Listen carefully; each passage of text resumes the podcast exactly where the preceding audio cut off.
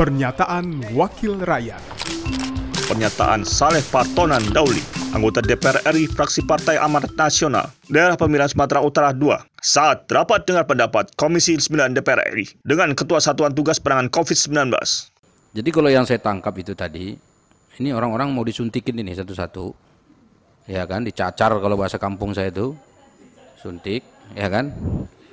Setelah dicacar, taruh situ dua jam, suruh jika menggelepar-gelepar, nah itu berarti ada kejadian apa ikutan pasca imunisasi, baru diambil tindakan. Nah ini kan berarti belum selesai sebetulnya penelitiannya, mestinya, ya kan. Observasi yang apa itu nggak sampai dua jam ditunggu di situ.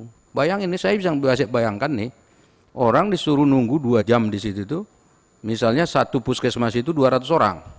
Kalau di Bali, hasil kunjungan kerja kami ke sana itu satu puskesmas bisa sampai 2.400 sampai 3.000. Satu puskesmasnya Pak, masyarakat yang dilayani.